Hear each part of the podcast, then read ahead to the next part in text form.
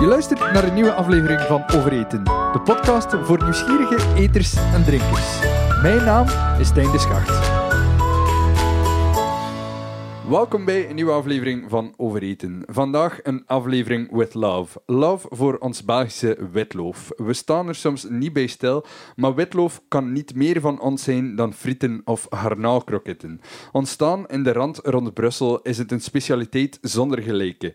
En toch, behalve het feit dat witloof in het donker groeit en er volgrond en waterkweek bestaat, weet ik er weinig van. Gelukkig vertelde Hanne Pluim hier over Thomas Koos, vierde generatie witloofboer en goesting-ambassadeur. Dus ook de geknipte mens om uh, de mysteries en uh, alles rond witloof uh, weg te trekken. de dekgrond als het ware weg te vegen om het witloof te doen tevoorschijn komen. En hij is dan ook de mens die ons meer gaat vertellen over dit unieke streekproduct van bij ons. Um, eerst en vooral deze podcast komt uit op 1 februari. Dat is ook de start van de week van het witloof. Je zou denken, witloof, zo'n product van bij ons. Iedereen kent witloof. Iedereen is opgegroeid met hesperolletjes uh, en witloof. En toch is dat zo ergens een product met heel veel mysterie rond. Want ja, ik weet eigenlijk niet of dat gekweekt wordt. Dat wil te zeggen dat die week van het witloof toch nog nodig is. Uh, ik denk het wel. En de Week van het Witlof is vooral in het leven geroepen omdat de consumptie van witlof enorm achteruit gegaan is de laatste jaren. Oei. Ja, oei. dat is dan niet goed voor boeren zoals jij? Uh, ja, dat weet ik niet. Het is vooral omdat ja, minder Witlof heeft een, een, een, slechte naam, bij wijze van spreken. Voor de bitterheid wordt nogal gezegd, ja, witlof is niet lekker. Uh, kinderen eten geen witlof. Maar ja, dat is absoluut niet waar, want er is eigenlijk wel redelijk veel verschil in witlof nog ook. Ja. Ehm, maar het is vooral omdat consumptie achteruit gaat dat ze de Week van het Witlof in het leven geroepen hebben om toch te ondersteunen, omdat dat een typisch Vlaams product is en omdat dat zonde zou zijn dat dat helemaal verloren gaat. Witloof, ik heb natuurlijk een klein beetje opzoekingswerk gedaan, want ik wist er niet veel van. Witloof is aan zich eigenlijk geen zo'n oud product. Dat, nee, dat klopt. Weet jij meer over het ontstaan van witloof in het, algemeen? Het exacte ontstaan, dat zijn bijna allemaal legendes of mythes. Ah, maar de meest aangenomen is dat het rond 1835 ontdekt is uh, in Brussel, in de botaniek. Uh, dus uh, chicorijwortels, dat die daar ehm, in de grond in paardenmest gestoken zijn en dat daar dan witte, alleen tonker dan, en daar witte blaadjes opgroeiden en dat die dan eetbaar waren. Om toch in de winter een verse groente kunnen aan te bieden. Want vroeger, ja, nu is er het jaar rond alle groenten beschikbaar, maar ja, vroeger was dat niet. En om toch een verse groente te hebben, hebben ze dat uh, verder ontwikkeld. Ik ben hier eigenlijk al verrast dat je zegt chicorée. Dat is diezelfde plant dat ze vroeger gebruikten in de plaats van koffie, of vergis ik mee? Uh, in principe is dat daar een afgeleide van. Uh, dus daar is selectie op gebeurd, maar in C is dat afkomstig van de chicorée. Dat is, Capucijnenbaard. Uh... Hola, Kijk, dat, dat wist ik zelfs niet. dat dat ook die naam had. Maar dat is dus... Ik denk dat, dat we nu wel kunnen stellen dat, dat witloof doorgekweekt is om, om die bepaalde eigenschappen te hebben, terwijl dat ze dan misschien in 1835 nog een algemene chicorée-plant hadden of zo. Ja, in 1835 waren dat vooral losse blaadjes op een wortel. Dan is er echt doorgekweekt naar een mooie vaste krop. En dat is door de jaren heen gekomen, want als het ontstaan is, waren dat gewoon wat losse witte blaadjes op, op een wortel. Ja, want chicorée, wat dat heel veel mensen uh, kennen als die koffievervanger, uh, wordt eigenlijk tegenwoordig ook gebruikt als uh, eigenlijk een soort suikerbiet. Um, dat zijn hele dikke, dikke knollen. Witloof, dat zijn... Er kunnen hele dikke witloof bestaan. Die zijn niet zo heel dik als een biet. Zijn die wortels dan ook zo groot of, of niet? Nee, de wortels zijn over het algemeen dunner. Ja. Uh, want chicorij-wortels zijn over het algemeen dunner als suikerbieten. Maar gewone witlofwortels die zijn ook nog dunner. Nog dunner. Ja. Dus ja, zoals dat we zeiden, een beetje doorgekweekt. Maar dan, waar begin je met, met witloof? Hebt die wortels, waar vinden die wortels? Moeten zaadjes zoeken? Uh, dat, dat, dat zijn zo van die vragen, dat lijkt zo doodnormaal voor jou als je daar alle dagen mee bezig bent. Je weet hoe dat, dat loopt. Ja, ik heb natuurlijk geen clue. Ik weet wel dat er zaadjes te krijgen zijn in de tuincentra als je dat zelf thuis eens wil proberen. Maar we kunnen, denk ik, de thuissituatie en een professionele boerderij zoals die van jullie niet vergelijken. Bah, nochtans, wij forceren nog altijd, wij kweken nog altijd witlof op de traditionele wijze. Dus op de meest authentieke wijze. Uh, en dat is dan ook erkend uh, als Brussels grondwitloof met het BGA-label, dus het Europese streeklabel beschermde geografische aanduiding. Dat wil zeggen dat wij nog altijd met een zaadje beginnen. Iedere witlofteler eigenlijk begint met een zaadje. Wij beginnen met een zaadje, een eigen telerselectie dat wij dat noemen, dus een eigen gekweekt zaadje. Dus wij starten een zaadje, wij zaaien dat in mei, ongeveer in mei, in het veld. En dan gaat gedurende de zomer er een wortel groeien uit dat zaadje in het veld. En dan als de zomer voorbij is, dat begint meestal september tot december, gaan wij die wortels oogsten, dus rooien. Dus wat doen wij dan? Die worden machinaal gerooid. Het bovenste deel van het loof, het meeste blad, wordt daar afgesneden, want dat hebben we niet nodig, dat is gewoon groen. Mhm. Dus dat wordt er gewoon afgesneden op het veld met machine. En dan wordt die, die wortel ongeveer op een 25-tal centimeter afgesneden, want die wortels zijn veel langer, maar we hebben alleen die bovenste 25 centimeter nodig. Dus die wortel en het bovenste stukje van het, allez, de basis van het, wit, van het loof wordt naar huis gehaald. Dat, dat oogsten, als, ik, als je zegt ja, op het veld en, en, en oogsten, dan denk ik aan zo'n een, een, een, tractor met een patattenmachine die dat allemaal uit de grond trekt. Is dat gelijkaardig of hoe moet ik me dat voorstellen? Ja, maar dat is een witlofmachine, geen patattenmachine. Maar eigenlijk is dat gelijkaardig. Dat is iets andere manier van reinigen, maar in principe is dat, kunt u, kunt u een aardappelmachine voorstellen gewoon dat die wortels uh, rooit. Die, die worden ook afgesneden beneden en die gaan dan bovenaan een bunker en ja, worden dan op de kar gekapt om naar huis te halen. De oorlog is toch voorbij? Waarom moet dan naar een bunker? zo, heet, zo, zo heet de verzamelplaats op een machine waar dat aardappel of wortels bijeengedaan, dat wordt een bunker. Ja, maar ja, dat, dat, zijn zo, dat, dat zijn vaktermen. Dat zijn soms van die vaktermen waar dat mensen zich vragen bij stellen van wat bedoel nu juist? En dat, dat, dat klinkt nu wel grappig. Vooral, ja, we zitten hier in Oostende, hier heb je nog bunkers van de Atlantic Wall staan. Daar heeft het niets mee dus te maken. Dus als wij hier over een bunker praten, dan gaat het over die dingen die in de duinen uh, ondertussen een beetje staan weg te kwijnen. Maar uh, dat is iets heel anders. Iets heel anders, ja. ja. Ik denk niet dat uh, onze tractor een bunker kan meenemen. Misschien een kleintje. Wie weet. Er zijn toch krachtige machines tegenwoordig. Ja, ondertussen dus, wel, ja. Maar, um, dus, maar dat moet niet met machine, dat kan nog altijd met de hand gebeuren ook. Hè, want het allereerste witloof uh, wordt meestal nog gewoon losgereden, met de hand losgetrokken. Die wortels blijven eventjes op het veld liggen om af te sterven en worden dan met, op het veld met de hand al afgesneden en het loof afgedaan en dan de wortels naar huis gehaald. Dus het moet niet altijd met de machine, dat kan met de hand ook nog gebeuren. Maar dat lijkt me ongelooflijk inefficiënt en, en, en, heel veel werk als je dat met de hand toch, Toch heeft het nog zijn redenen. Wat, wat, is dan de reden dat dat, dat dat met de hand zou gebeuren? Voor het afsterven van de wortel, omdat dan de wortel kan afsterven met het geheel van het loof nog op. En dat geeft een andere kwaliteit, een ander suikergehalte van de wortels. Dus daarom wordt dat in het begin helemaal in het vroeg van het jaar, omdat dan de wortels nog niet echt rijp-rijp zijn. Dus om die wortels rijper te krijgen, dat is een bepaalde manier om die wortels rijper te krijgen. Ah, dus het is, het is eigenlijk als je vroeg wil beginnen aan die oogst, is dat beter dat je het op die manier doet. Afhankelijk van de soort. Dan schakel je ja. meestal wel over naar het machinale. Klopt. Okay, op die als, als, als je niet heel, heel vroeg wilt beginnen forceren, dan is dat in principe niet noodzakelijk. Ook afhankelijk van de soort dat je hebt. Maar ja, er zijn maar 24 uur in een dag. Uh, een boer is heel vaak uh, gebonden aan weersomstandigheden en seizoenen. Dus soms heb je geen keuze, denk ik dan. Ja, daarom dat we ook zo snel mogelijk overschakelen aan machinaal rooien, omdat we dan sneller meer kunnen doen. Ja, ja. In, in normale seizoenen toch.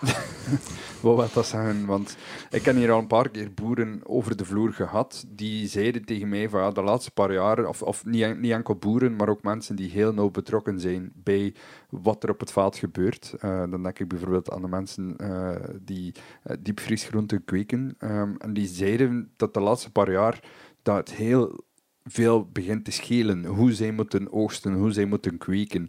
Is dat ook iets wat jij begint te merken? Ja, het klimaat verandert en we gaan meer naar extreme. Het gematigde klimaat wordt allee, minder en minder. Dus we gaan ofwel naar droog, echt droog, ofwel gaan we naar extreem nat, zoals het laatste seizoen dat we gehad hebben. Wat ook wil zeggen dat die machines ja, die de slijk niet verwerkt krijgen en mhm. dat die wortels ook niet proper uit de grond geraken. Dus zoals het seizoen dat nu voorbij is van het oogsten van de wortels, want de wortels zijn nu uit het veld, hebben wij thuis heel veel werk nog gehad om die wortels proper te krijgen, omdat we eigenlijk de helft van de aarde van het veld mee naar huis gebracht hebben. Um, en hebben we thuis nog die wortels manueel er met de hand moeten uitrapen uit de aarde eigenlijk, alleen uit de slijk, om, om met die wortels verder te kunnen, want die machines kregen die wortels niet proper. Ja, dus... dat is ook niet dat je gewoon de hoge druk er kunt opzetten, neem ik aan. Nee, nee, nee. nee. Dus dat, uh, dat is echt dan nog die, die klompen klei die eraan liggen, dat je moet beginnen ja, breken. Ja, proberen een beetje laten te drogen en dan ja, echt die, die, die wortels er manueel, dus de, te veel aan, aan, aan aarde er gaan afbreken.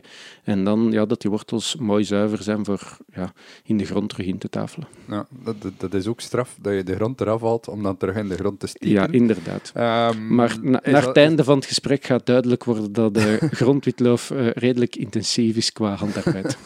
maar, maar wat ik dan nu even wil vragen, is dat een ander soort grond misschien? Dat, is de, dat hangt er vanaf op welk perceel dat, dat geteeld wordt. Als je natuurlijk wortels in de, in de zandgrond gaat telen, heb je dat probleem van die aarde veel minder. Maar uh, als je wortels kunt telen in iets zwaardere grond of in een zandleemgrond, die wortels zijn krachtiger. Dus dat is, dat is het verschil. Ze zijn minder gevoelig naar ziektes toe, bijvoorbeeld. Mm Maar dan, allee, ja, je, je, je haalt die uit de grond. Ja. Je hebt die BO dan op de boerderij nog eens uit de grond moeten halen. Normaal niet, maar... Normaal niet, maar deze keer wel. Ja. En dan zeg je, we gaan die intafelen. Wat dat, voor mij klinkt dat als, we gaan die opnieuw in de grond steken. De grond die eraan hangt en de grond waar je die insteekt, is dat dan een verschil? Dat, die worden ingetafeld in een witlofhof, dat wij zeggen. Dus op bedrijf uh, is er een witlofhof waar dat een installatie onder ligt voor te verwarmen.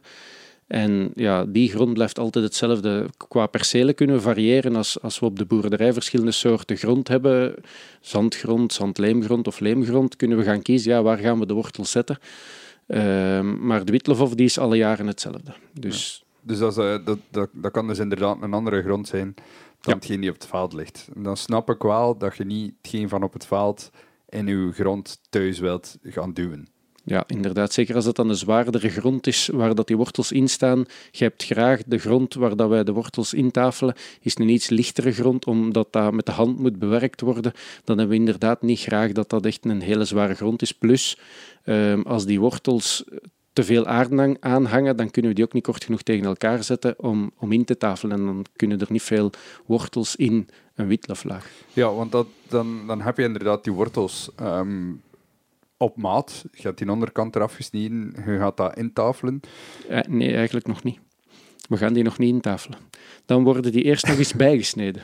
Dus bijgesneden, ja. ja dus we, die worden ofwel met de hand ofwel met de machine thuis nog eens bijgesneden van boven, omdat de machine op het veld, dat is een brut, allee, brut het, het overtollige blad eraf doen, maar omdat wij met grondwitlof zitten, onder de grond willen we zo weinig mogelijk te veel aan blad in de grond, omdat dat gaat rotten. Dus wij gaan dat bijsnijden, dat we alleen het hartje overhouden bovenop de ja, wortel.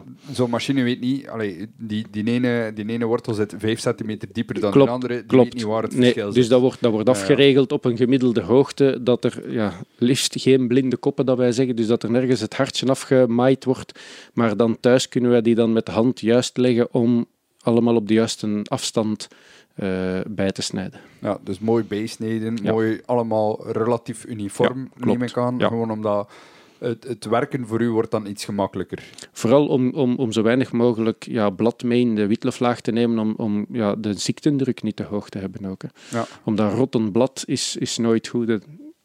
Je zou nogthans denken dingen die, die, die rotten, die verteren. Dat brengt allemaal voedingswaarden terug in de grond. Dus ergens, dat is het idee van een compostbak, uh, bij manier van spreken. Naar mijn gevoel is ergens een natuurlijke progressie oké, een paar bladjes die rotten, dat kan geen kwaad. Dat is extra vitaminen voor, of mineralen voor de planten om verder te kunnen groeien. Maar niet als die blaadjes aan die witlofkrop zijn die, dat aan het groeien, die witlofkrop dat aan het groeien is. Dus dan heb je dat liever niet. Achteraf is dat inderdaad geen enkel probleem. Maar op het moment dat die witlofkrop, al die wortels naast elkaar staan en een krop moeten maken, heb je niet graag dat daar nog heel veel uh, bladjes rondzitten, uh, dat in de weg zitten of dat de ziektes kunnen meebrengen, bij wijze van spreken. Een beetje te vergelijken met een etterende wond. Bijvoorbeeld, ja. ja dat is Voor een stuk, ja. Dat is inderdaad niet wat je wilt dan natuurlijk. Um, maar dan dat intafelen, je gaat het even moeten uitleggen. Um, je gaat je witloof, je gaat dat op maat gesneden. We hebben onze wortels. dat, ja, dat bedoel ik. Hè. Je hebt dus de, de witloofwortels, hebt die op maat gesneden, hebt die mooi gelijk gekregen. En dan heb je al de aarde eraf, is het eigenlijk klaar om verder te gaan. Wat doe je dan? Ja, dus... Want dan, dan is die plant eigenlijk al een half jaar oud. Ja, klopt. En dan die, de kunst is dat die wortel dan mooi tot rust komt. Dus die wordt dan meestal in een koelcel gestoken om mooi tot rust te komen. En als die dan tot rust is gekomen en opgedroogd is, dan gaan we die terug in de grond zetten. Hoe doen we dat? Wij maken een, een, een witloflaag, dat wij zeggen. Dus dat is een bed dat klaargemaakt wordt. Dat wordt eerst uitgegraven. Dus uh, we stikken dat af. Uh, en dan graven we daar 25 centimeter ongeveer aarde uit en dat wordt opzij gelegd.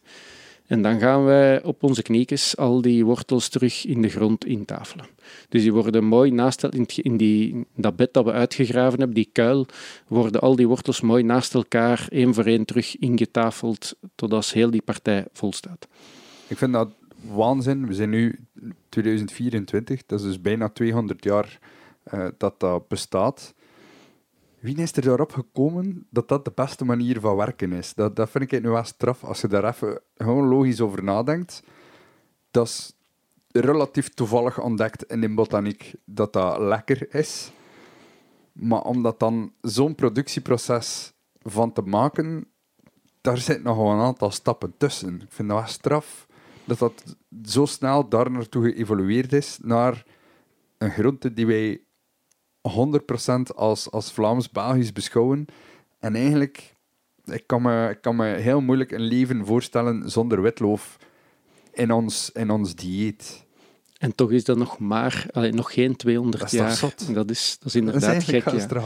En dat dat dan nog een evolutie doorgemaakt heeft, ook van, een, van gewoon blad tot een krop. dat, dat, hebben ze dan ook nog gedaan. Daarom ook dat dat onder de grond uh, gezet wordt.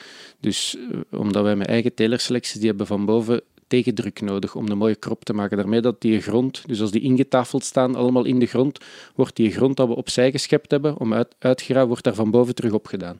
Dus zodat die één onder de grond zitten, zodat er zeker geen licht aankomt en dat die tegendruk hebben om een mooie vaste krop te maken. Ja, dus zonder, zonder die druk, wat gebeurt er dan eigenlijk met zo'n, met zo'n krop? Ik, kan me voorstellen dat dat alles gebeurd is, dat er een niet goed in die grond zat en dat je dan ziet wat, dat er, wat dat er gebeurt. Terug losse blaadjes. Gewoon losse blaadjes. Bij de eigen telerselecties wel. En dan zitten we naar de verdere evolutie, want op vandaag kan er witlof gekweekt worden zonder die in de grond bovenop. Dat kan. Dan gaan we naar hybride soorten die dat van zaadhuizen komen. Uh, dat is ook hetgeen dat gebruikt wordt, die hybride soorten in de hydroteelt en in een ander deel van de grondwitlofteelt. Want grondwitlofteelt kun je eigenlijk nog in twee zaken opsplitsen. Dat is jullie manier, de traditionele manier. Ja, ja. En dan die andere manier is dan zonder aarde erop te doen of zo? Ja, dat mag.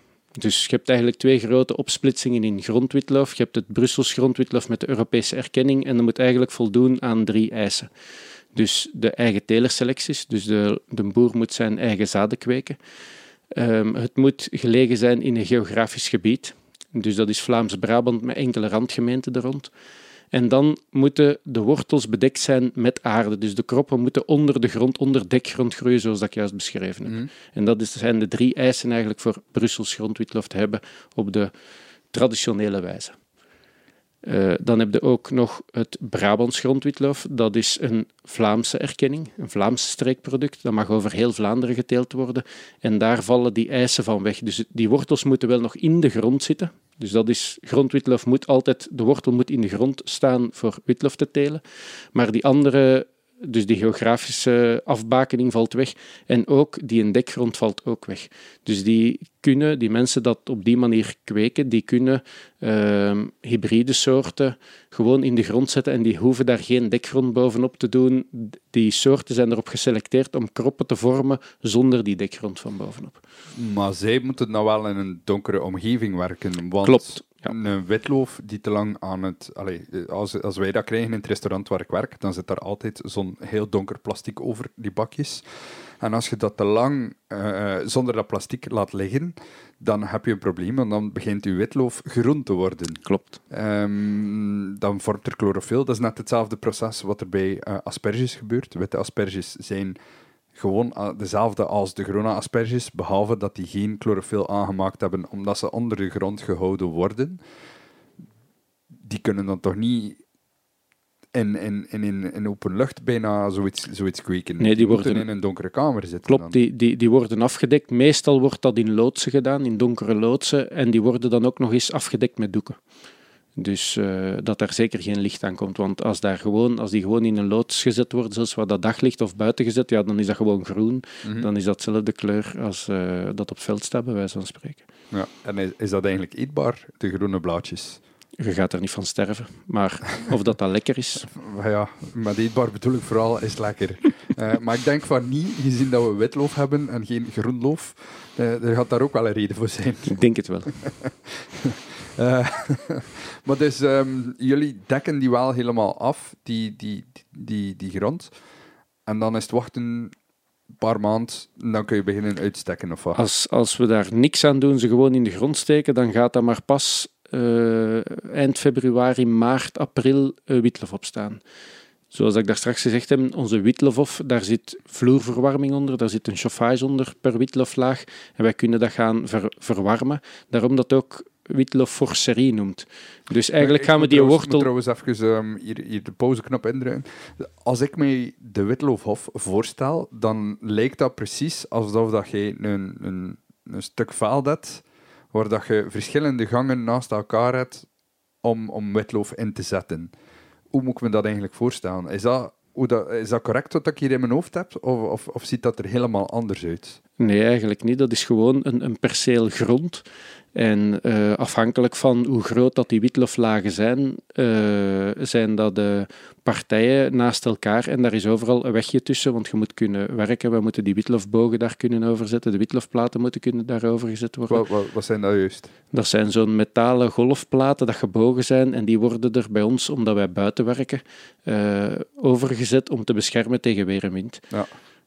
en ook nog een keer extra om zeker te zijn dat het donker is. Maar vooral ook om we hebben de grond al omtonker, maar om te beschermen, zeker als het dan begint te vriezen of zo, dat we dat wat kunnen afschermen. En ook als we beginnen te verwarmen langsonder, ja, dat we niet te veel warmte verliezen langsboven ook niet. Dus dat we dat een klein beetje kunnen... Zeker in tijden uh, van, van uh, dure uh, elektriciteit, duur gas, duur, Klopt, ja. alles van energie, is dat misschien wel een, een slimme zet. Ja. Maar um, ja, ik, ik, ik dacht gewoon zo, van, ja, als, je, als je graaft, dan moet het ergens kwijt kunnen, dan moet het weer erop kunnen leggen.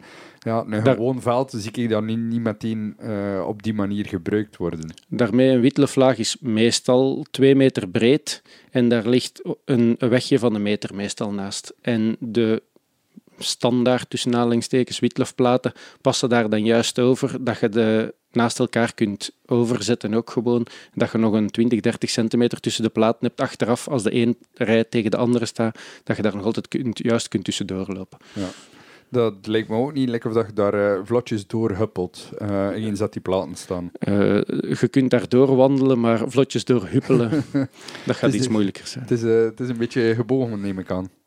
Ja, nee, de, de, als we de witlofplaten staan hebben, daar kunnen we gewoon tussendoor wandelen, want daar ja. kruipen we niet onder. Het is als we ze moeten uithalen, dan moeten we onder de platen en dan, dan is het inderdaad gebukt terug. Ja, dat, dat, dan is het heel veel handwerk. Maar um, dat systeem wat jij gebruikt, is dat eigenlijk een, een courant systeem om, om die aarde te gaan verwarmen?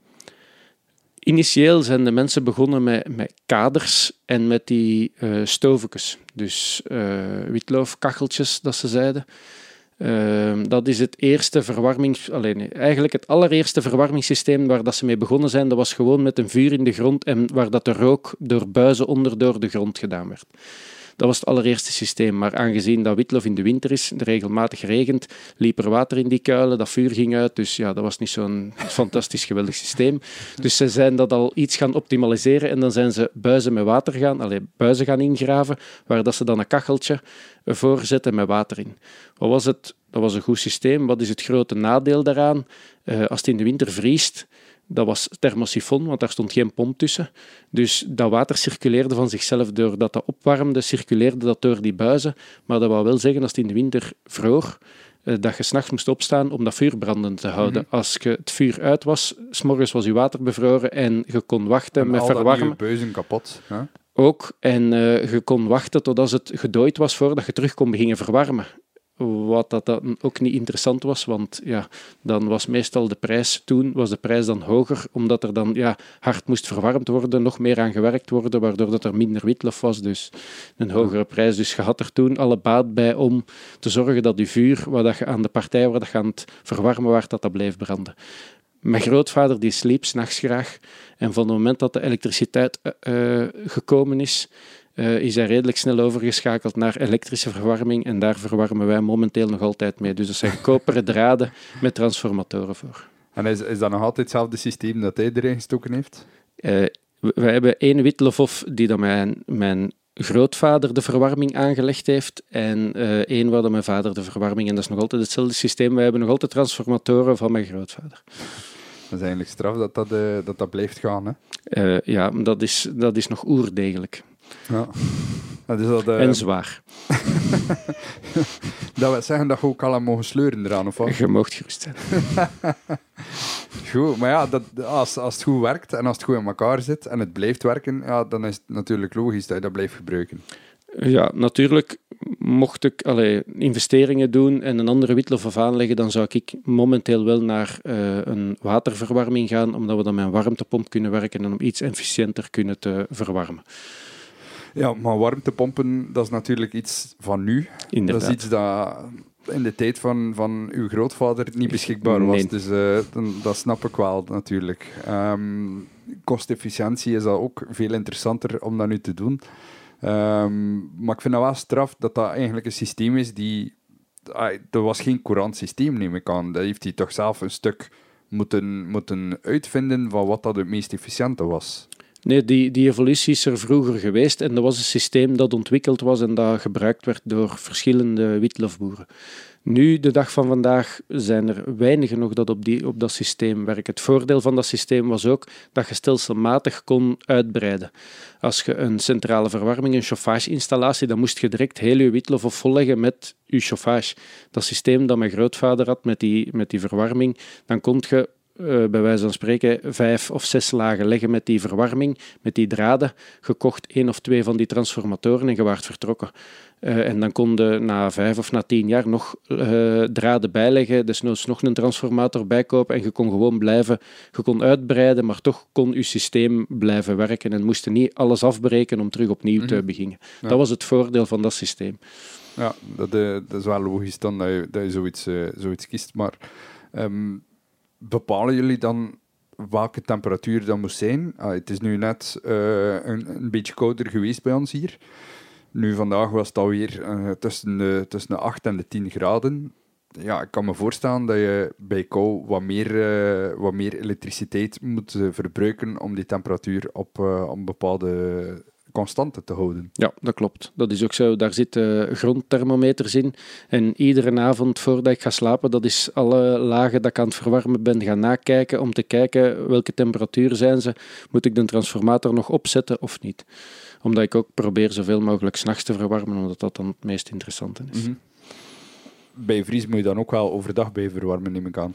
Dat kan zijn dat er overdag bij verwarmd moet worden, ook dat hangt van de weersomstandigheden af. Maar als een, een, een witloflaag is op temperatuur is, die is dan bij ons nog eens afgedekt met stro. Dus op die aarde ligt nog eens stro, dan staan die witlofbogen erop. Over die witlofbogen ligt nog een keer een doek over, om dat zoveel mogelijk te beschermen. En eigenlijk van het moment dat de, de witloflaag op temperatuur is, meestal hebben we voldoende met iedere nacht wat bij te verwarmen. Dan, dan moet het echt al extreem koud zijn.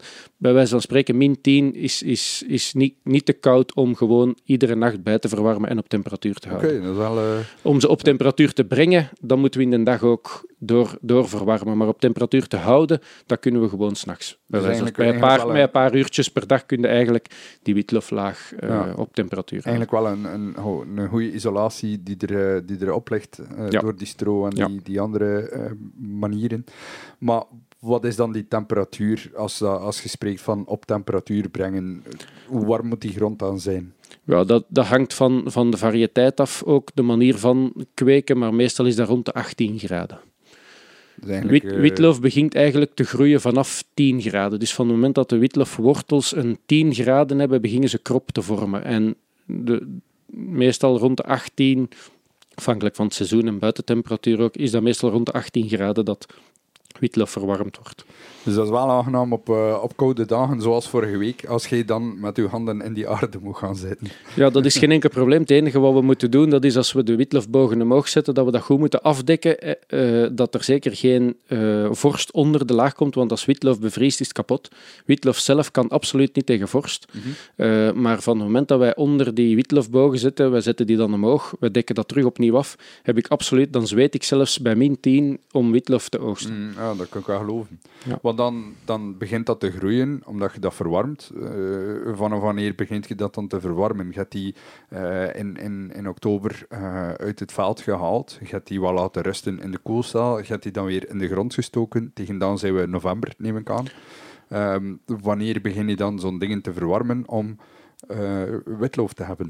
Dat hangt er een klein beetje vanaf. Wij gebruiken onze grond ook voor een stuk als koelcel, als frigo. Dus we proberen regelmatig in te tafelen. En uh, meestal kunnen we na een, een, twee weken in de grond, dan zijn ze terug opnieuw, want die wortels moeten opnieuw terug vastgroeien. En als die wortels terug goed vastgegroeid zijn, dan beginnen we meestal te verwarmen om een krop te maken. Dat we op een, een week of vijf eigenlijk een, een, eh, een witlofkrop, een oogstbare witlofkrop hebben. Dus in... je tafelt die in, je, je bedekt dat met aarde, ja. um, je laat die twee weken rusten, dat ze in die grond zich, zichzelf vinden, als het ware. Dan begint je te verwarmen en na drie weken zit er daar al zo'n krop op. Ongeveer, ja. Dat is eigenlijk wel uh, een vrij tempo. Uh, strikt gezien, hydroteelt uh, is roulatie tussen de 18 en de 21 dagen. Dus in principe, strikt gezien, als we die wortel in de grond steken en we zouden die direct beginnen te verwarmen, op drie weken kun je witlof hebben. Maar je doet dat niet? Wij doen dat niet, voor de smaak ook voor een groot stuk. Ja, want er is wel een heel groot verschil in smaak tussen grondwitloof en die, die, die hydroteelt. Voor mensen die daar niet van bewust zijn, waar zitten de grote verschillen? Vooral ook de manier van forceren. Hoe sneller dat je dat forceert, voor ons ook hoe bitterder dat, dat is. Maar de smaak wordt ook gegeven door de grond waar dat de worteling geforceerd wordt. Want je kunt bij wijze van spreken tien dezelfde wortels van hetzelfde perceel bij tien verschillende mensen gaan in een andere grond gaan gaan terug intafelen en gaan verwarmen. Afhankelijk van de grondsoort gaat je terug een andere smaak krijgen. Dus, en hetgeen dat wij ook vinden, maar dat is een, dat is een persoonlijk uh, gegeven, dat is als er dekgrond bovenop is, geeft dat ook nog een heel een frissere krop, een meer blinkende krop. En dat vertaalt zich voor ons ook in de smaak. Is dat omdat die, die, die plant dan iets harder moet werken om die bladeren te produceren? Ja, ja. Ja, die structuur is iets fijner. Hangt ook van de variëteit natuurlijk mee af. Maar het is eigenlijk een, een, een, een optelsom van verschillende factoren. Maar ja, dat zijn de zaken waar dat wij ja, mee werken en waar wij heel veel belang aan hechten voor die een goede smaak te hebben en die mooie kroppen te hebben, die mooie blinkende, frisse kroppen te hebben. Ja, want als ik, als ik op mijn werk de AB-test doe tussen een, een, een hydrokweek en een, een volgrond witloof, dan hebben wij in de blind tests altijd de voorkeur voor die grondwitloof. Dat is uh, wat meer, ja, in structuur is wat steviger, maar het is ook iets minder waterig voor een of andere reden. En dat, dat zit dan misschien in mijn hoofd of zo, maar ook in die, die blinde testen is dat altijd wat flatser, heb ik de indruk. Ja, de, de hydroteelt, die wortels worden niet in de grond gestoken, maar die worden in bakken gezet waar dat water door circuleert. Dus die wortels die hebben geen grond meer, die moeten al hun voedingsstoffen gewoon hetgeen dat in de wortel zit en uit de, het, de, het water dat circuleert halen. Dus daar zit een klein percentage, dat is niet veel, maar dat is een heel klein percentage verschil, waardoor dat, dat toch uh, vertaalt in iets ander vochtgehalte van die krop. Mm. Maar dat zijn minuscuul kleine verschillen. Ja, maar, het, ja, maar, soms zit het, maar soms zit het in, in, in kleine dingen. Ja, ja voilà. De, de, de, details maken soms het verschil. En ja, het, het, is wel zo dat wij hebben de voorkeur voor die grondwitlof, gewoon omdat we vinden dat die meer smaak bevat, soms ook wat meer textuur. En dat is wel, dat is wel leuk natuurlijk. Het, is ook het, het grootste verschil is ook het tempo waardoor, waarop geforceerd wordt. Hydroteelt, dat is massaproductie en dat moet vooruit gaan, want iedere dag dat ze langer forceren is, is, is, is verlies bij wijze van spreken, want dat is minder snel dat er terug een nieuwe ronde erin kan.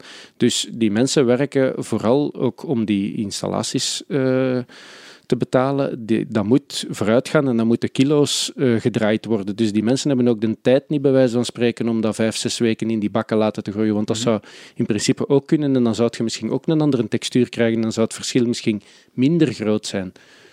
Ja. En ik denk dat daar vooral het grote, het dat grote verschil in zit. Dat zijn natuurlijk keuzes die gemaakt worden. Dat, dat, is, dat, zijn keuzes van, van, van de telers dat gemaakt worden. En, ja, ja. voilà. Maar um, die witloof, die, die ontwikkelt, die groeit. Dat zit onder de aarde. Je gaat na een week of vijf gaan koekeloeren. Hoe doe je dat dan? Ga je daar eentje uitgraven voor te kijken hoe ver dat je staat? Ja, inderdaad. Ja, dat is aan de zijkant de partij de platen opzij uh, zetten.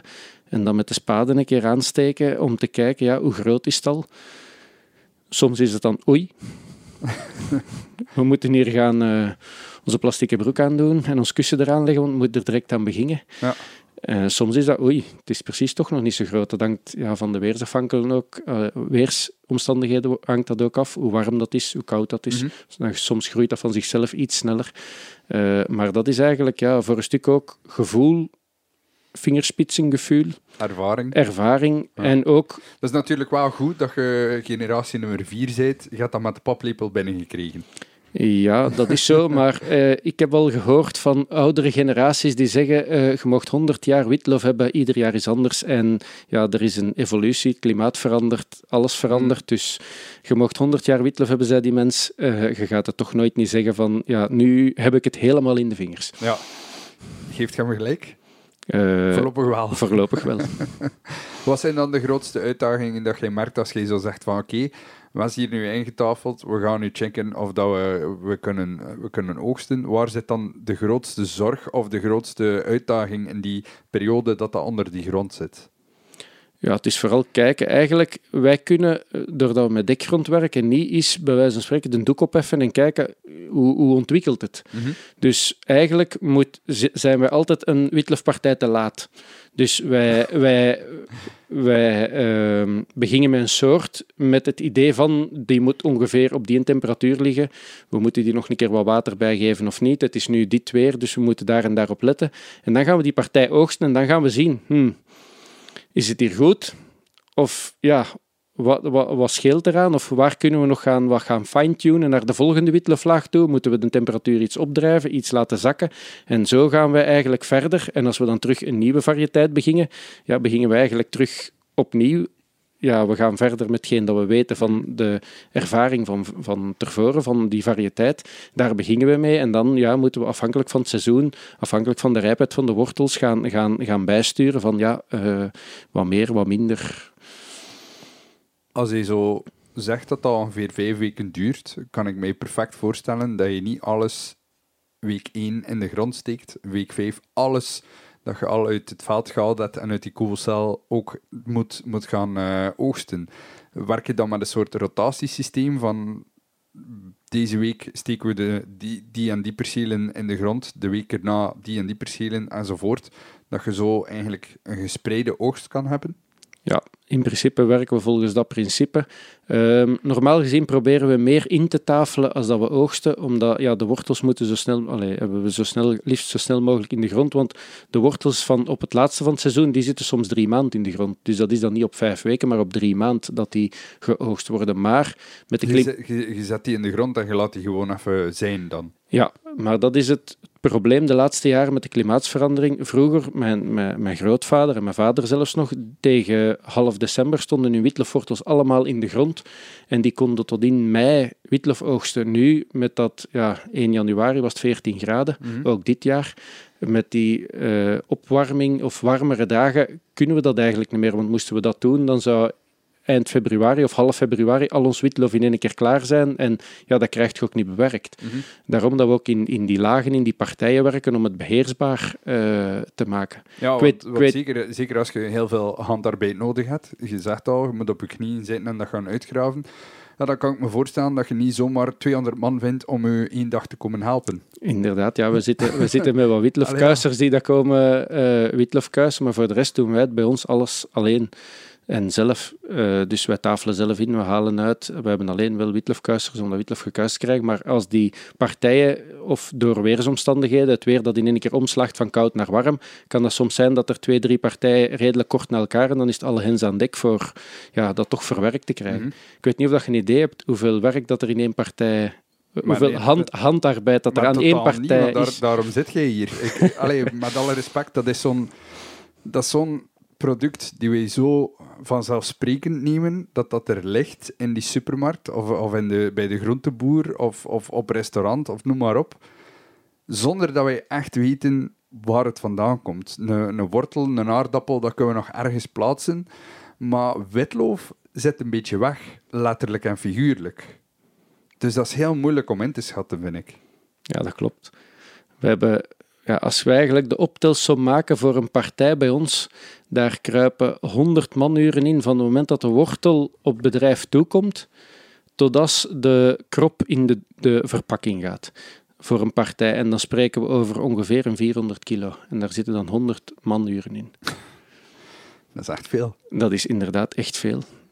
Als je dan een klein beetje doorrekent, dan weet je ook dat dat witlof wel wat geld moet kosten, want anders is het niet haalbaar. Ja, natuurlijk. De, de, de winst of, of, of het verdienen aan witlof is eigenlijk het, het eigen arbeid dat je erin brengt. Want als je eigenlijk witlof moet laten uh, forceren, laten bewerken, allemaal door externe krachten, dan, dan leg je geld bij. Mhm. Dus dat is, dat, is, dat is ook de reden waarom dat het Brussels grondwitlof eigenlijk aan het uitsterven is bijna. Mhm. En dat er eigenlijk helemaal niet veel telers meer zijn en dat de jonge generatie ook niet staat te springen om dat over te nemen, omdat daar zoveel arbeid aan is. En het grootste, of de grootste uitdaging is dan ook, ja, het is niet omdat je witlof zaait, je best daaraan doet, dat je op het laatste van de rit witlof aan het oogsten zet. Mhm. Daar kan onderweg nog wel paar zaken misgaan. Witlof moet je minstens twee keren kweken en eigenlijk wij kweken witlof drie keer. Dat wil zeggen dat je uit die ene wortel drie keer witlof haalt? Nee, Nee, nee, één wortel is één keer witlof. Wat, maar, wat bedoel je dan met drie keer kweken? Ja, eerst moeten we een wortel kweken. Mhm. Dus dat is een eerste kweek, een eerste teelt. Dan moeten we van die wortel moeten we daar een krop op kweken. En dan gaan we voor Brussels grondwitloof gaan we nog een keer uit die wortel waar dat die krop afgebroken is, gaan we nog een keer zaad kweken. Dus daar kan bij wijze van spreken ook nog eens misgaan. Dus eh, eigenlijk moeten we drie keren en zijn we twee jaar verder voordat we terug kunnen beginnen. Ja, Oké, op die manier, nu ik mee. Nu ik mee. Ja. wat sommige planten, die, dan kunnen gerust iets van afsnijden en dan groeien die opnieuw. Ja, nee, met witlof is dat niet het geval. Vandaar, ja. Nee. Dus een witlofwortel, die kan, als daar een krop van afgebroken is, die kan alleen nog maar dienen als veevoeding, als humus op het veld, of bij ons eigen telerselecties om nog eens verder zaad mee gaan te kweken. Dus we gaan dan, als we partijen oogsten, gaan we dan de mooiste kroppen selecteren, die wortels opzij houden en die gaan we dan het jaar nadien uitplanten om daar zaad op te kweken. Want dat is volgens mij voor jou als boer dan ook wel een enorme kostenbesparing. Want als je elk jaar zo'n zaad moet aankopen, dat is ook niet goedkoop, neem ik aan. Nee, dat klopt, maar daar kruipt ook weer terug heel veel tijd in. Dus eigen zaad kweken, je hebt dan nog verschillende variëteiten. Je kunt die ook niet allemaal mooi naast elkaar planten, want dan... Ja, dan krijg je de kruisbestuiving. Ja, en dan heb, dan heb je op den duur één soort nog. en niet per se met de, met de genetica die je wilt? Meestal niet met genetica dat op ieder moment goed is, dus dat wilt je dus niet. Dus ja, daar kruipt wel uh, enorm veel tijd ook in voor dan dat zaad zelf te gaan kweken. Dat lijkt me ook een, een, een werk van planning. Dat ook, ja eigenlijk in de zomerperiode een Brussels grondwitlofteler die is met twee zaken bezig. Die is eigenlijk zijn wortels aan het kweken voor het volgende winter zijn witlof op te kweken en zijn zaad aan het kweken voor het jaar nadien gaan uit te zaaien en uh, dan wortels te kweken voor terug witlof kunnen te kweken. Als ik in, in de, regio rond Brussel uh, de velden inga, hoe herken ik eigenlijk of dat er daar witlof staat? Maar ik weet eigenlijk niet hoe dan een witlofplant eruit ziet. Eigenlijk, die wortel zie je niet. Het enige dat je ziet zijn, is blad. Mhm. En meestal, niet altijd, er zijn nog altijd mensen dat dat vlak, allez, volle velds of vlakvelds zaaien. Meestal staat witlof nu de dag van vandaag op ruggen. Dus, en daar staat dan ja, groen blad gewoon op. Maar die wortel zit onder de grond, dus daar zie je niks van. Dat is niet zoals bij een beet, dat, waar dat die een beet boven de grond half staat en, en dat blad op staat. Een witlofwortel zie je eigenlijk niet, daar zie je alleen blad op staan. Dat ook uh, heel mooi aan zijn vorm. Maar ja, als je zegt dat staat op ruggen, dan maakt het al iets gemakkelijker om uh, uh, in Zemst rond te lopen en te weten, van, hm, dat, wordt, dat wordt waarschijnlijk een witlofveld. Als, als je in, in, in, in Zemst rondloopt, dan zijn er twee mogelijkheden. Dan zijn het aardappelen of witlof. Heel veel boeren die hebben ook nog andere activiteiten die ze doen op een, uh, of, die proberen toch een beetje diversiteit te, te creëren. Doen jullie dat eigenlijk? Of is dat enkel witlof wat jullie doen? Uh, bij ons is de hoofd, hoofdzaak witlof, maar wij hebben ook nog graslanden waar dat we hooi van maken. Uh, we hebben ook nog wat granen en wij ehm, maken wat voordroog, allee, kleinverpakkingen voor paardenliefhebbers meestal. Ehm, om ook nog in de zomer nog iets extra bij mhm. te genereren. Nou ja, voilà, het is, dat, het is daar ook op aanstuurde. Ja. Dus, uh, ja, dat, uh, een hele boterham natuurlijk. Maar um, gaat dan... Uh, we gaan terug naar het witloof die, die uitgegraven wordt. Dus uh, jij komt met je spa, jij stekt dat even in de grond en je kijkt van oké, okay, die eerste die hier staat aan de zijkant, die is nog net iets te klein. Even aarde weer op, nog uh, stro er weer op laten staan voor nog een week of zo. Of gezegd van oei, oei, oei, is hij rood aan het worden? We gaan hier even heel snel beginnen uitgraven. Dan neemt je de aarde weg. En wat gebeurt er dan? Neem je die volledige wortel daaruit? Sneed je gewoon af? Op welke manier ga je daar gaan verwerken? Ja, dan gaan we het witlof langen. Dat is de vakterm langen. Dat is het uithalen van de mhm. wortel eigenlijk en het afbreken van de krop. Dus die krop wordt van de wortel afgebroken. Dat is dus niet gesneden? Die wordt niet gesneden. Bij ons in de grondwitlofteelt wordt die eraf gebroken. Dus, en dan wordt die in bakken gelegd, omdat we buiten zitten. Die wordt in bakken gelegd en dan worden die bakken naar binnen gebracht om daar uh, die kroppen te reinigen. En als ze dan gereinigd zijn, om dan gaan in te pakken in de verpakking dat gewenst is. Gereinigd, dat klinkt alsof de buitenste blaadjes die vol aarde hangen, misschien er een beetje af. Dat poepeke mooi even afsnijden en uh, dan mooi verpakt in de, de blauwe kratjes om naar de klant te gaan. Dat is het helemaal. Dat wij, wij kuisen droog, dat wij zeggen, dus wij wassen die witlofkroppen niet. Dat kan ook gewassen worden, maar dan uh, verliest je aan houdbaarheid en aan smaak. Dus daarom wordt op de meeste plaatsen witlof gewoon droog gekuist. Dus de vuile blaadjes worden eraf gedaan. En dan uh, bij ons worden de, een gedeelte van die blaadjes nog bijgehouden. Uh, en dan de propere witlofkroppen worden dan in bakjes gelegd of in zakjes gestoken. Of zoals dat verpakt moet worden voor de, de klant. Ja, dus afhankelijk van, van de wensen van de klant. Ja, uh, klopt. Maar wat doe je dan met die blaadjes? Uh, wij sorteren die blaadjes, dus normaal gezien is de afval en gaan die blaadjes gewoon terug naar het veld of voor veevoeding. Wij, uh, omdat ik dat zonde vind dat we zoveel uren op onze knieën zitten en zoveel uren aan werken, sorteren wij de blaadjes nog uit. Dus de heel vuile of, of uitgedroogde blaadjes gaan gewoon opzij. Maar dan heb je nog blaadjes waar dat gewoon een beetje aarde aan hangt en dat eigenlijk perfect eetbaar zijn. Of misschien zo'n scheurken in. Uh... Ah, wel, bijvoorbeeld, of een, of een barstje of zo in, maar die dat eigenlijk perfect eetbaar zijn en die worden uitgesorteerd.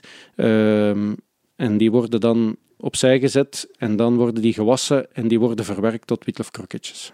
bij ons. Ja, dat is wel, uh, dat, ik, vind dat, vind dat heel leuk dat je dat doet, want dat is ook niet iets wat dat iedereen doet, neem ik aan. De, de meeste boeren, die blaadjes, die halen ze af, die, die, die kroppen die over zijn, die worden verpakt. En dan is het inderdaad veevoer, ja. uh, humus op het veld, noem maar op. En, en dat, allee, ik vind het heel leuk dat je op zo'n manier met je restproduct eigenlijk een beetje ja, meerwaarde creëert.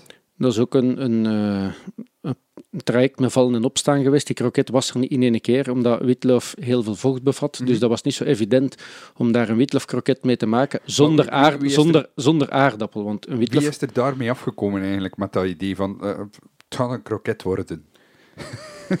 Allee, ik, kan me voorstellen, is... ik kan me voorstellen dat je zo kijkt naar die stapel die daar ligt, van ja, dat is nu wel jammer. Ja. Um, allee, je neemt zo'n bladje, je knabbelt daarop. Dat is super lekker. Uh, ik vind dat trouwens fantastisch, uh, rauwe witloof. Dat is mijn, mijn, uh, mijn vorm die ik het meest verkies van, van witloof. Ik hou van, van rauwe witloof.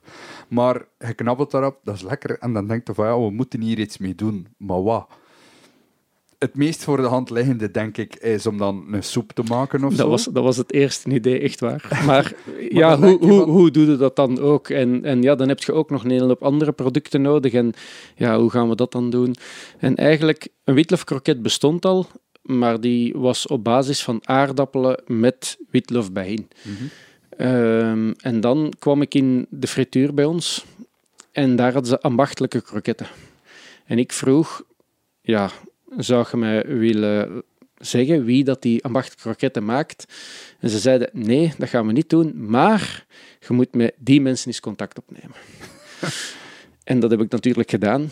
Uh, ik ben naar, uh, naar die firma geweest, de Gastronello trouwens. Uh, ik heb met een bedrijfsleider een afspraak gemaakt en die zag dat helemaal zitten. ook dat, dat, dat Europees streeklabel, dus dat dat echt iets, iets typisch Vlaams was om daarmee iets te doen. En dan hebben we geprobeerd, allee, heeft hij geprobeerd van daar een kroket mee te maken en dat is totaal mislukt. Dat ging totaal niet. Ja, want meestal als ik denk aan, aan hoe dat kroketten maakt, ja, ik zie niet zo goed hoe dat, uh, hoe dat, dat vlot loopt met, uh, met witloof erin. Dat ging dus ook helemaal niet. Dat dus, is correct. Uh, dan krijg je gewoon iets die ja, inderdaad. plat ja. wegvalt in je frituze. Ja, inderdaad. En dan hebben we voor een stuk ook het geluk gehad dat ik in contact gekomen ben met Ilvo, met de Food Pilot, en dat daar een project liep, uh, Triple F, Food from Food, uh, om reststromen te gaan valoriseren, waardoor uh, dat er ook projecten waren om te gaan kijken van wat is er nodig om van een bepaald product iets te gaan maken. Ik ben daar samen dan met Gastronello ingestapt en ehm, wij zijn dan gaan kijken uh, hoe kunnen we dat gaan ontwikkelen? Hoe moeten we dat verwerken om tot een witloofkroket te komen? En na twee jaar is ons dat gelukt van, van dat witlof, mits bepaalde verwerkingsstappen, uh, daar een pure kroket mee te maken waar dat enkel en alleen witlof als groente in zit. Dus waar dat geen aardappelen moeten aan toegevoegd mhm. worden. En in uh, eh, 2020 hebben we daar de Food Waste Award mee gewonnen. Dat is, dat is eigenlijk uh, een serieuze weg die je moet afleggen, twee jaar. Dat is niet niks. Nee, inderdaad. Dan, dan, dan moet je toch ook af en toe uh, even stilgestaan en gedacht hebben van, gaat dat eigenlijk ooit wel lukken? zeker en vast. en ook van, van, thuis uit, van, ons vader zegt, waar zijn in godsnaam mee begonnen? dat kan toch nooit lukken? Dat is natuurlijk, dat is natuurlijk um, altijd een moeilijke als jij als generatie 4 uh, eh, eigenlijk het, de teugels overneemt van een, een, vorige generatie.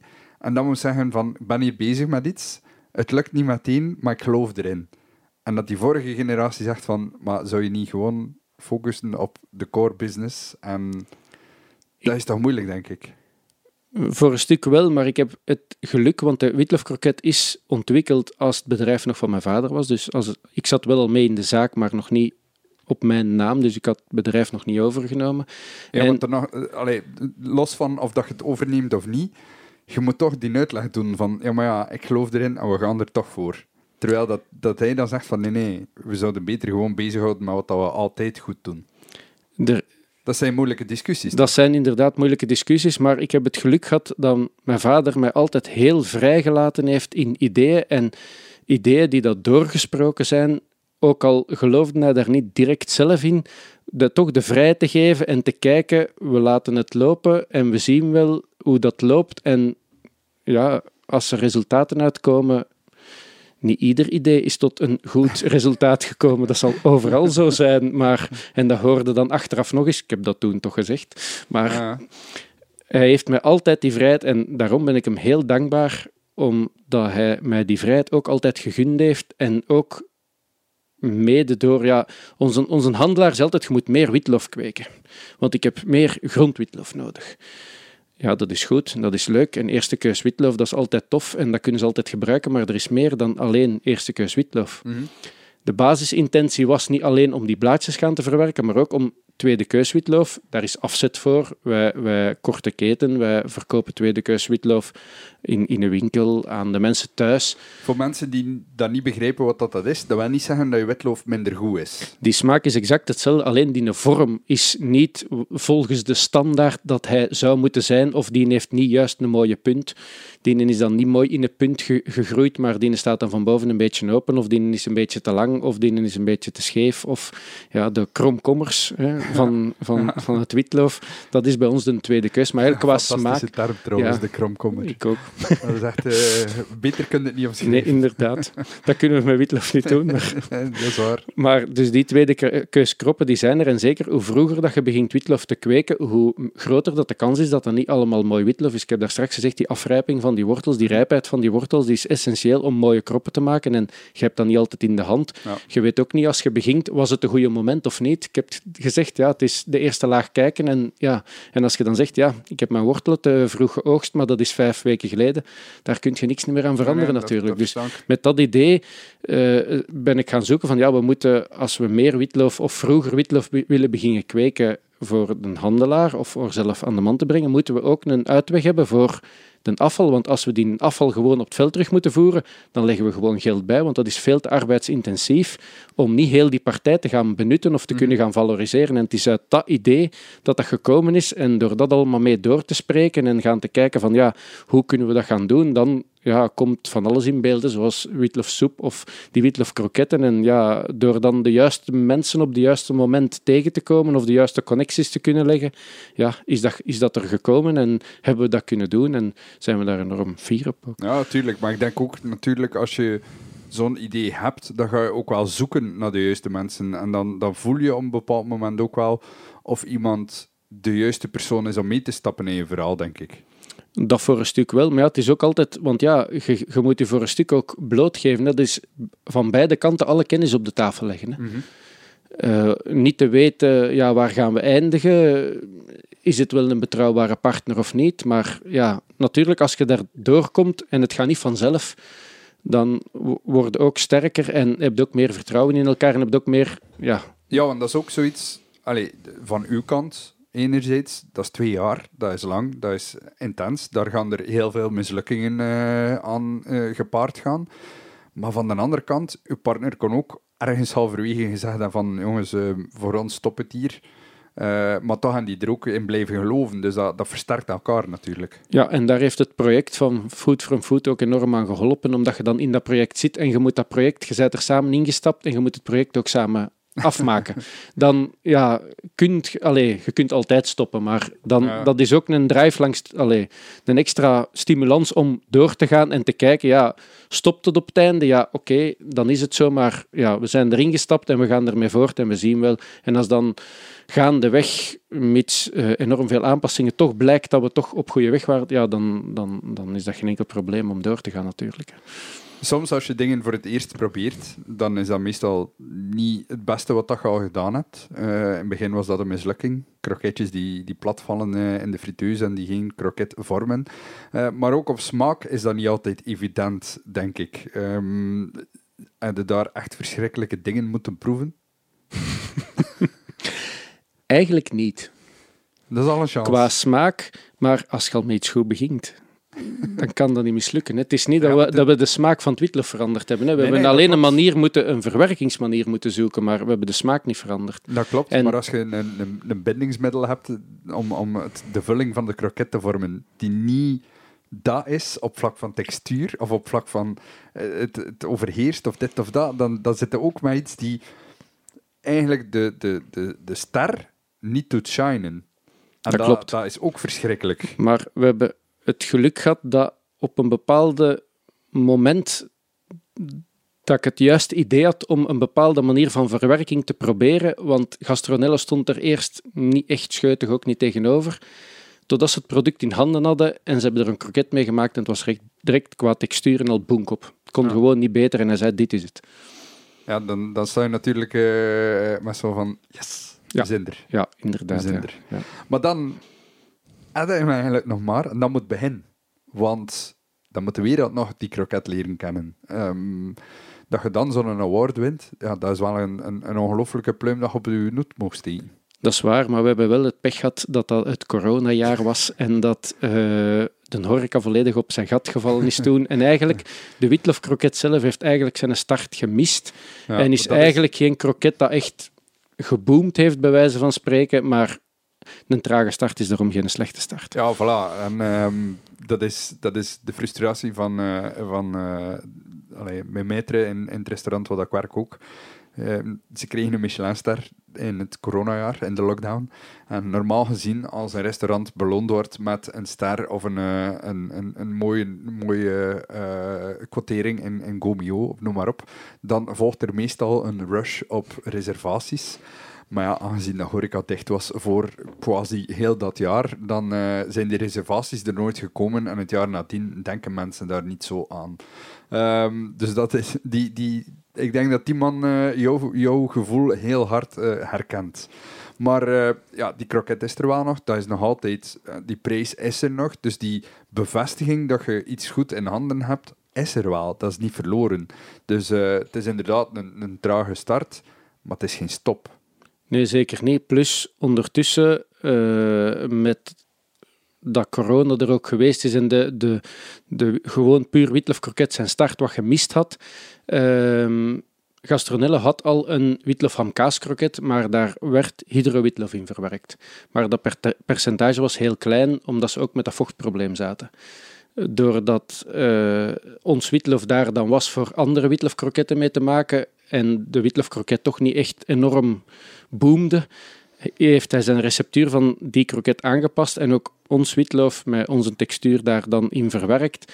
En die kroket die slaagt enorm aan dan ook. En ondertussen is er zelfs al een derde kroket met ons witloof bij in. De kroket Brabançon met fazan in, het wildseizoen. Dus... Dat is... Dat is uh eigenlijk ook heel cool dat je zo'n klassiek recept in een kroketvorm dan uh, verwerkt. Dat was ook mee de reden waarom dat ik ook naar daar gegaan ben, omdat die al een witlof kroket hadden, een witlof ham kaas kroket en ja, dan is natuurlijk een, een, een, kleinere overstap dan dat je helemaal van nul moet beginnen. Klopt, ze hadden al de nodige ervaring en ze wisten al voor een stuk wat dat de problemen met witlof waren en die werden dan ook helemaal duidelijk als we een pure witlofkroket gingen maken. dan werd het alleen maar erger. Inderdaad, ja. maar goed, ja, het, is, het is wel gelukt, dus ja. uh, dat, dat, dat is top natuurlijk. Um, en dan kom je een paar jaar later uh, plots op het punt waar dat jij een ambassadeur voor de Vlaamse culinaire uh, wereld wordt. Jij bent goesting-ambassadeur. Klopt. Hoe is dat eigenlijk gelopen? Want dat is ook niet echt iets dat jij op je bingo-kaart staan had voor vorig jaar, denk ik. Nee, zeker niet. je krijgt een mailtje en dan leggen ze dat uit. En dan denk je, wat moeten we hiermee doen? en je laat dat even bezinken en je stuurt erop terug. We gaan daar eens over nadenken en dan krijg je een mailtje terug, mogen we eens langskomen? En dan krijg je bezoek van Hanne Pluim. en dan heeft Hanne een hele mooie presentatie gemaakt. En dan zegt ze daar direct bij, dat is het concept. Dat is wie dat er gaat inzitten ongeveer. Niet alles ligt vast. Dat is ongeveer waar dat we naartoe willen. We hebben graag een witlofboer daarbij. We hebben heel graag dat jij dat gaat doen. Maar we weten eigenlijk wel nog niet juist wat dat we gaan doen. En dan denkt je van ja, juist het bedrijf overgenomen, staat heel veel werk op de plank. Dat is uh, de druk die je op je schouders voelt. Ja. En dan denken we van toch, ja, heb je niemand anders. En dus dan zeg je tegen Hanne, de stof, heb eigenlijk niemand anders. Inderdaad, ja. En dan zeggen ze ja, maar ja, ze hebben toch gezegd dat we bij u moesten aankloppen. En dan, ja, want we hebben ook iemand nodig dat het kan uitleggen. Want er zijn heel veel witlofboeren we moeten een keuze maken. We kunnen ze ook niet allemaal erin steken. We hebben iemand, liefst iemand jong en iemand dat goed kan uitleggen. Ik zeg oké, maar ik kan het niet goed uitleggen. Ja, daar zou ik toch nog een keer goed over nadenken, zegt Hannes. Zeg. Ik, uh, ik moet nu wel uh, Hanne gelijk geven. Allee, we zitten hier nu al uh, over een uur te praten over witloof. Ik vind dat je dat vrij goed kan uitleggen. Ja, maar ik, ik ben een, ben een Vlaming. Hè. Ik ben, ben daarin bescheiden. Van, ik vind van mezelf niet dat ik heel goed kan uitleggen, maar ik kan wel praten over, zeker over materie dat, dat ken, is geen probleem om, om, om over uit te leggen of over uit te wijden of in detail in te gaan. En dat is, dat is geen enkel probleem. Ja, zeker, zeker als het een onderwerp is dat je ook ik ben daarin geboren. Hè. Je zit daarin geboren, je zit daar trots op. Je doet dingen die niet um, de standaard manier van werken zijn. Allee, je ontwikkelt een kroket out of nothing, om het zo te zeggen. Ja, dat zijn al dingen die je een beetje doen opvallen, denk ik dan. Ja, ik denk daarmee ook dat ze bij, bij mij aan de deur stonden. En ik heb dan gezegd, oké, we geven het een kans, ik wil ervoor gaan en we zien waar dat we uitkomen. Als jullie nog niet exact weten wat dat jullie willen, dan gaan we samen in het verhaal groeien en dan gaan we wel zien waar dat we uitkomen. Ja. Ik moet natuurlijk, ik ben als ambassadeur en we hebben ook direct vastgesteld, ik ben ambassadeur voor het witloof voor Vlaanderen. Ik vertegenwoordig dan ook het hele, al het witloof, van Brussels grondwitloof, Brabants grondwitloof over hydroteelt. Maar ik ben wel een Brussels grondwitloofteler. Op mijn bedrijf wordt het op de traditionele manier geteeld dat is hetgeen wat ik verder breng ook. En daarin vertellen we dan ook wel dat er door de evolutie heen, door innovaties, andere manieren zijn ontwikkeld van witloof kweken. Ja, want hydrokweek of grondwitloof, het is wel essentieel een product van bij ons. Ik heb het nog niet gezien op de markt in Frankrijk waar ik op vakantie ga. Ik uh, heb het niet gezien toen ik in Duitsland woonde, uh, een goede 15 jaar geleden. Nog, dat, dat, dat was daar niet zo aanwezig zoals bij ons. Nee, klopt. En nogthans nu, de hydroteelt in Vlaanderen is ook aan het achteruitgaan en wordt eigenlijk door Frankrijk en Nederland eigenlijk al bijna over, overstelpt. Die Hollanders, hè? ja, Fransen ook. Maar uh, ja, het, het verwondert mij niet helemaal dat Nederlanders daar goed in zijn. Zeker als je kijkt naar de regio daar onder Rotterdam, het Westland ja, de, die, die produceren enorm veel. Enorm veel in hun kassen van groenten en fruit en noem maar op. Een van de meest productieve regio's in Europa. Het verwondert mij niet dat een Hollander dan zoiets heeft van hm, wij kunnen dat ook en wij kunnen dat uh, een mooi frank aan verdienen. Ja, en door, door investeringen en robotten te zetten en die investeringen allemaal te maken en te doen, kunnen die ook verder gaan. En die, die zijn ook niet bang van, van 200 of 300 of 400 hectare wortelen te zetten. Als je, als je dat tegen een grondwitloofboer zegt en je spreekt van 100 hectare, dan zegt hij ja, dat, dat, is gewoon niet haalbaar. Dat kan gewoon niet. Maar gewoon om even de vergelijking te maken. Jij kweekt die, die wortelen op een veld, dan um, haalde die eruit. Is dat ook zo bij die hydrokweek? Exact hetzelfde. Dus enkel Alleen de soort, ja, de soort van, van, van witlofzaad waar dat we mee starten is, is verschillend. Uh, en dat is eigenlijk het telen van die wortels is, is zowel voor grondwitloof als hydroteelt exact hetzelfde. Dat groeit op het veld. Uh, die wortels worden gerooid, die moeten naar huis komen. En dan, het is alleen het, het forceren van die wortels, daar is het verschil. Bij de grondwitlofteelt gaan die wortels terug in de grond. Bij de hydroteelt gaan die wortels in bakken met water. Wordt verticaal gewerkt, kunnen op veel kleinere plaats veel meer ja. witlof gekweekt worden. Gewoon wordt ergonomischer gewerkt, alles wordt op hoogte gezet. Daarom ook dat er veel meer kilo's geproduceerd kunnen worden op hydroteeltschaal. Dat, dat is trouwens iets wat ik, wat ik ook nog uh, bij bedenk. Je, je, noemt dat intafelen.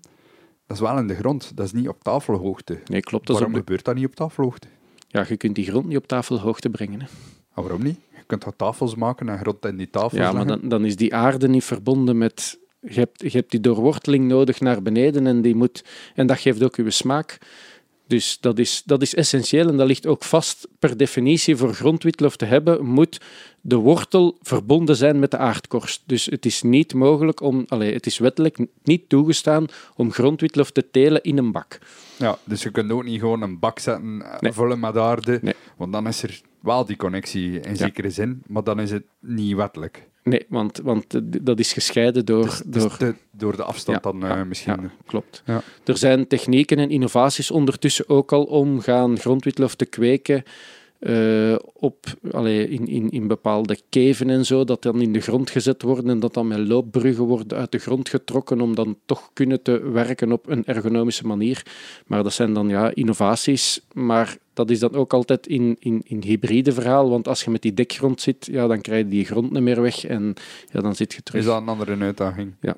Maar het is wel straf dat je hier uh, zegt dat dat bij wat bepaald is. Dus dat wil zeggen dat er ook rond wetloof een aantal wetten zijn. Klopt. Je kunt niet zomaar zeggen van ik doe maar wat en het is wetloof en ik verkoop het. Als je aan de regels houdt, dan is dat geen enkel probleem. Brussels grondwitloof, dat is strikt vastgelegd. Daar is een lastenboek van. Dat is op Europees niveau vastgelegd. Daar moet je aan die eisen voldoen. En voor grondwitloof moet je inderdaad die wortels terug in de grond intafelen. Het zij met de hand, het zij op basis van keven met de laatste innovaties, dat, dat kan, dat mag. Ehm, maar ja, dan zit je terug in, in een evolutie, in een innovatie. Dat is eigenlijk de, de innovatie dat gebeurd is van oudsher, zoals dat wij kweken, zijn ze gaan zoeken naar, ja, in de jaren 1970 is dan een hydroteelt opgekomen, is sterk doorontwikkeld, maar de mensen die in de grond zaten, die zagen ook van, ja, maar ja, ik moet daar geen, alleen die mannen doen daar geen dekgrond op, als ik die wortels, alleen die zaden nu een keer gaan gebruiken voor die wortels in de grond te steken, ik doe daar ook geen grond op, dan zijn die kroppen zo vuil niet, dan moet ik daar zoveel bladjes niet aftrekken, dat gaat veel sneller. Uh, ja, waarom gaan we dat niet doen? En dan heb je ja, een andere stroom gekregen die dat dan in, in loodsen, uh, ja, die witlofwortels in de, in, in, in de grond gaan zetten, zijn in een loods met doeken over en zonder dekgrond dan, om dan ja, als tussen Allee, tussen evolutie eigenlijk. ja, Maar dat is nog wel grondwitloof, maar die hebben dan niet die grond van bovenop. Ja, die textuur is dan ook terug net iets anders. En ja, dat is, dat is het verschil. Maar die mensen werken er ook hard aan. Hè. Hydrotelers ook. Sommige mensen zeggen, ja, die hydrotelers, ja, dat groeit vanzelf. Nee, die, mensen die mensen die moeten daar ook keihard aan werken, maar die werken op een andere manier, ergonomischer en meer kilo's. Dan zouden toch veel meer mensen het doen, neem ik aan. Ja, ik denk het wel. Dan zou, dan zou het aantal telers niet zo drastisch terugvallen. Ja, Want dat is ook een probleem eigenlijk uh, voor de toekomst van onze wetloof. De telers die vallen een stuk terug. Uh, oudere telers die het bedrijf niet overlaten aan anderen. Um, er zijn daar heel veel redenen voor. Uh, de, de stikstofakkoorden spelen een rol. Het, de prijs die gekregen wordt voor het werk die erin gestoken wordt, dat speelt een rol. Dus het is eigenlijk moeilijk om mensen te motiveren om aan wetloof te beginnen, heb ik de indruk. Er worden in het praktijkpunt landbouw in Herent, de proeft- en witloof van vroeger, worden wel cursussen georganiseerd om mensen in contact te brengen met de teelt, om proberen jonge telers aan te moedigen om daarmee te starten. Maar grondwitloof is, zoals dat we al gezegd hebben, enorm arbeidsintensief. En het is geen 100% kans op slagen. En dat is, dat is het moeilijke dat eraan is om te volharden en blijven daarin te zitten. Als je er niet in geboren bent of niemand hebt dat daar feeling mee heeft, is het enorm moeilijk om daarin te starten je kunt je dat ook moeilijk voorstellen als je dat zelf niet... niet ik ben daarin in geboren, bij wijze ik heb dat van kleins af aan gezien. Je zat, uh, je zat dan aan uw vijf jaar met uw plastic zandschopje, waar dat ik op strand zat, dan mijn vijf jaar, zat jij in uh, een witloof of te scharten. Ja, ja in, inderdaad. Ik, wit, want ja, witloof is zeer delicaat. Als kind mochten we daar niet aankomen. Een anekdote, witloof uithalen, dat mochten wij absoluut niet. Maar ja, ik kon mij dan niet laten in de vakantie, in de schoolvakantie en in het derde leerjaar was ik onder de middag, als ze gestopt waren met oogsten, onder de platen gekropen en niemand wist waar dat was en ik had een bak oogst. Dus ja, ik denk dat er van kleins af aan al in mijn vingers zal gezeten hebben, of de drang toch al in ja, dat is Dat is duidelijk. Dus, uh, dat is ook typisch zo dat je iets niet moogt en dat dat soms heel vaak zo is van, ik ga het toch doen. Ja. Ik ga het toch doen. En dan, dan, dan is dat zaadje geplant natuurlijk. En, en uh, ja, door, door de jaren heen ontkiemt dat dan. En nu zit je hier uh, volwaardige wetloofboer en ambassadeur voor het beroep. De, het is funny hoe dat, hoe dat kan lopen, in zekere zin. Um, wij als consument, wat kunnen wij doen om witloof nog meer op ons bord te krijgen. Ehm, wat je zei, de week van de witloof, dat is in het leven geroepen om die witloof uh, een stuk te gaan stimuleren, om die witloofverkoop verkoop en consumptie te stimuleren. Wat, wat kunnen wij doen? Het regelmatig klaarmaken en ook geen bang hebben om dat aan kinderen te geven. Meestal kinderen zeggen, ik lust geen witloof. Maar er is veel verschil in witlof. Iedereen, zeker bij grondwitlof, iedere teler heeft eigenlijk een eigen smaak. Door de manier van werken, door de grond waar dat, dat in. Sommige boeren hebben een, op ons bedrijf hebben een heel weinig bittere smaak. Maar dat is smaak, ja, dat is persoonlijk. Voor mhm. sommige mensen die hebben graag heel bitter, die vinden dat van ons dan minder goed als bij wijze van spreken een collega dat bitterder heeft of op een andere manier forceert en waardoor dat, dat bitterder is. Maar bij ons zijn er regelmatig mensen die dat, dat aan hun kinderen ons witlof geven en die kinderen eten dat dan wel.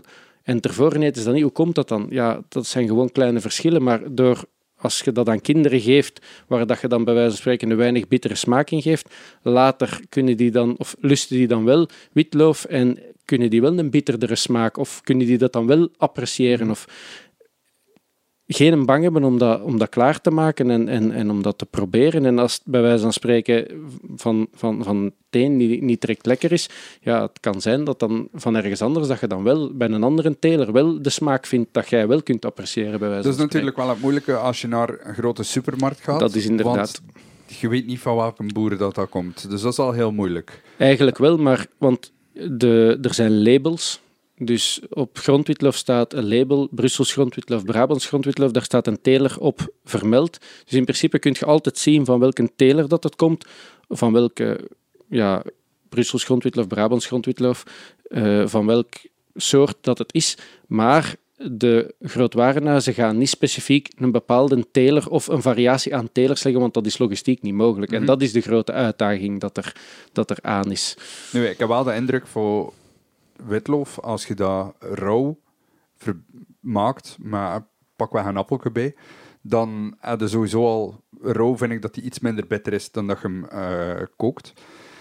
Um, dat, klopt ook. Vroeger heel gemakkelijk een, een toegang hebt naar uh, witloof. En dan, als je dan verder gaat, als je een, een, een witloof verkeerd klaarmaakt, is die ook veel bitterder dan als je hem goed klaarmaakt. Ja, uh, dat, dat, is ook mijn ervaring. Dat klopt ook. Ik vroeger als kind, ik had enkel en alleen, want ik heb niet graag bitter. Ik, ik heb helemaal niet graag bitter witlof. Ik proef ook aan het witlof en dan zeg ik, mm, nee, deze is niet wat ik wil. Uh, maar ik had vroeger ook enkel en alleen rauw. Nu, nu eet ik wel heel graag gestoofd witlof, maar ja, dat is ook doordat je dat ook leert eten voor een stuk, tegen mij heeft ook iemand gezegd, ja, je, kunt, je leert maar pas witlof appreciëren vanaf je 30 jaar. Gestoofd witlof. Ja. Dus, ja. Maar dat, dat is natuurlijk ook weer zoiets... Ik gebruik hier altijd in die podcast het, um, het, de analogie van kapstokjes.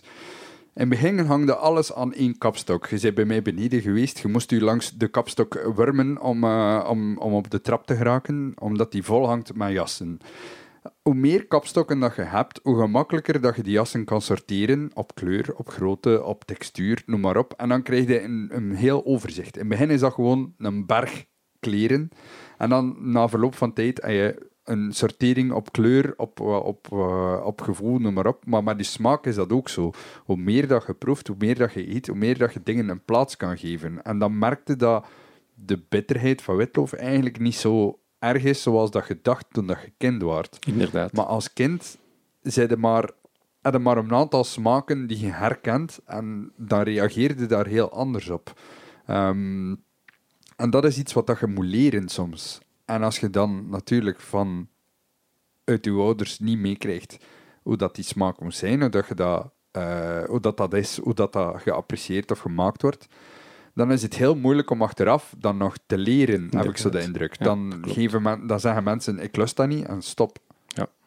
dat is ook zo. Je moet, je moet het ook aanbieden. En ook al eet het misschien zelf niet graag, probeer het toch.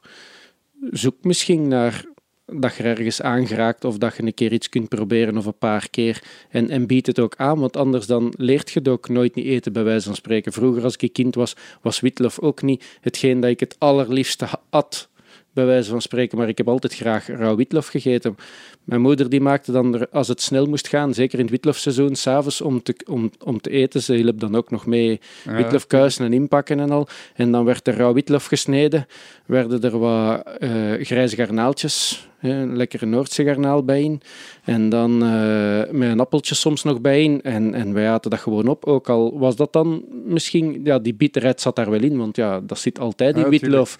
Maar ja, dat gaat dan mee binnen en geleidelijk aan proeft je niet alleen dat witloof, maar je hebt dan dat appeltje, je hebt dan die garnaaltjes daarbij. En ja, gaandeweg ja, ja. leert je dat eten en, en leerde dat ook appreciëren. En... Een, een van de classics van mijn mama was altijd uh, witloof uh, een gelijke mengeling tussen yoghurt en, uh, en mayonaise. En dan nog wat, wat frisse tuinkruiden daaronder. En dat was haar witloofslaatje. Dat is nog altijd de recept dat ik zelf thuis heel veel op tafel zet. Dat is gewoon fenomenaal. Dat, dat is super lekker, dat is super gemakkelijk. En dat is nog altijd mijn, mijn manier, manier preferé van uh, witloof eten. Um, dat recept van mijn mama. Maar ja, het is gewoon... Er zijn zoveel mogelijkheden. Er is, het is, het is zo'n leuk product dat, dat het eigenlijk wel jammer is dat je zo'n week nodig hebt. Dat is waar. Het is, het is voor ons heel uh, leed om aan te zien dat, dat die consumptie van witlof gewoon drastisch achteruit gaat. En dat is, vinden wij zelf jammer ook. Maar ja het is, ook niet alleen dat, het is in het algemeen dat er zijn nog zaken dat, dat wordt in het algemeen minder groenten. En witlof heeft ja, die, die bittere smaak als, als voor een stuk ook idee, waardoor dat ze denk ik gemakkelijker al aan de kant zal gelegd worden. Ja. Dus is het nu aan ons als consument om daar mee aan de slag te gaan? Uh, ik ben blij dat wij in het restaurant al heel veel uh, witloof gebruiken op uh, verrassende manieren. Dus al, zeker in het wildseizoen is dat een combinatie die heel goed werkt. Um, maar ja, er zijn heel veel mogelijkheden. Er zijn heel veel websites ondertussen waar dat er recepten bestaan met witloof. Gaande van, van Vlam tot uh, uh, Sophie Dumont, die heeft ook een aantal recepten met witloof. Allee, Jeroen Meus heeft er wat dat je maar wilt, of wat dat je zoekt van, van inspiratie, dat kan gevonden worden op het internet. Um, die kroketjes, waar kunnen mensen die kroketjes vinden eigenlijk ondertussen? Die kroketjes die worden verdeeld uh, via horeca. Dus er zijn horecazaken en bij ons op bedrijf worden die momenteel ook aangeboden. We hebben nog geen, zover staan we nog niet om dat echt uh, wijd uh, te verspreiden via uh, winkels. Uh, zover zijn we nog niet. Maar we kunnen ze wel aanbieden en ze zijn... Ik vind het woord nog de belangrijkste van de zin. Je moet, al, je, moet, je, je, moet blijven dromen en verder durven kijken. Hè. Tuurlijk, tuurlijk. Maar uh, dat is dus een, een zeer goede reden om uh, in de buurt van Zemst even om te rijden, om die kroketjes uh, op de kop te tikken. Um, maar ook voor meer informatie over het bedrijf en de witloof van, van jou, waar kunnen die terecht? Uh, we hebben een Facebookpagina waar dat, uh, wat gegevens op staan. We staan ook op de website van Recht van bij de Boer. Uh, daar zijn we ook op terug te vinden. Dus op de website van Vlam kun je ons ook terugvinden. Voilà, super. Dikke, dikke merci om langs te komen. Ik vond het super boeiend om, om eigenlijk over dit unieke streekproduct van echt van bij ons zoveel bij te leren. Want het was een nobele onbekende, maar nu niet meer. Graag gedaan. Bedankt om te luisteren naar Overeten. Vond je het een leuke aflevering? Deel deze podcast dan zeker met andere foodies. Tag me gerust op Facebook of Instagram via @overetenpodcast. Honger naar meer? Dat is mijn maandelijkse nieuwsbrief vol eet, drink en luisterplezier. Schrijf je in via de website, dat is www.overetenpodcast.be. Bedankt en hopelijk tot binnenkort.